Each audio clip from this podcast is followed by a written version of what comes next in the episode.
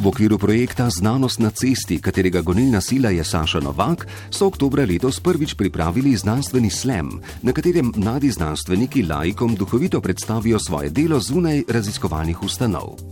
Direktor steklarne Hrastnik Andrej Božič je letošnji prejemnik priznanja Manager leta. Ime tedna pa je postal Rok Sanda, režiser predstave Ikarus, ki je prejela Matička za najboljšo predstavo na letošnjem Linkartovem srečanju. Močno kulturno obarvan je bil izbor kandidatov za drugo oktobrsko ime tedna. Med kandidati pa so bili igralec Dare Valič, prejemnik letošnjega Boršnikovega prstana, violinistka Lana Trotovšek, ki je prejela zlato medaljo za najboljši posnetek na tekmovanju Global Music Awards 2016 v Kaliforniji, in ime tedna Ignacije Šulnič, dolgoletni direktor Ludkovnega gledališča Ljubljana, najzaslužnejši za to, da je pravljica o Sapramiški pred 30 leti doživela premiero v Ludkovni preobleki.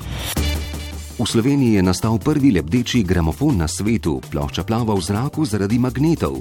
Gramofon je izdelal Klemen Smrtnik z ekipo.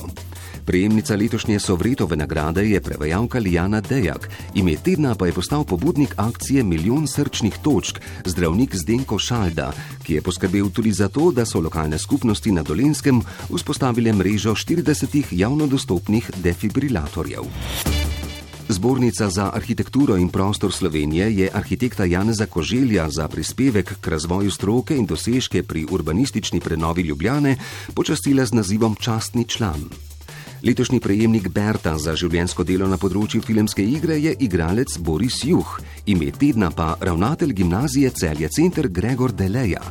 Pri njih se dijaki ne pehajo samo za ocenami in dobrimi uvrstitvami na tekmovanjih, ampak so tudi odprtih rok. Na dobrodelnem koncertu so za tri družine v stiski zbrali 4000 evrov.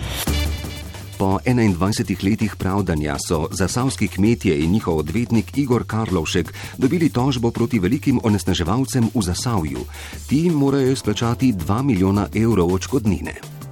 Ortoped in pionir zdravljenja z matičnimi celicami Damjan Radosavljevič pa je pred 20 leti prvi pri nas uvedel postopek obnavljanja sklepa z lastnimi celicami.